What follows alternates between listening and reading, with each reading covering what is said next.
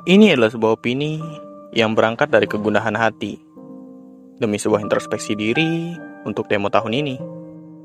Tidak ada yang salah kalau kita turut berdemonstrasi.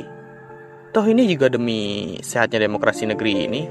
Jadi sudah sewajarnya pula pemerintah mendengarkan berbagai aspirasi dari kita yang hadir untuk berorasi.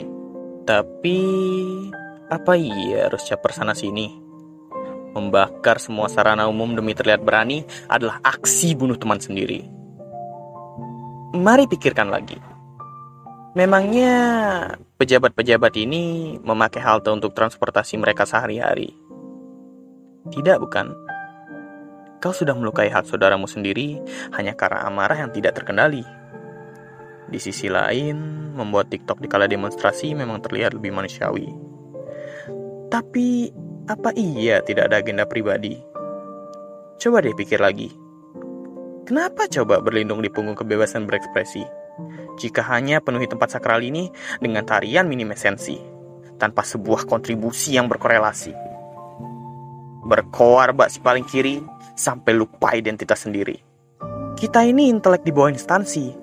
Apa iya seruan vulgar seperti tiga ronde yang menjadi diksi? Ayo, pikirkan lagi untuk demo di tahun nanti.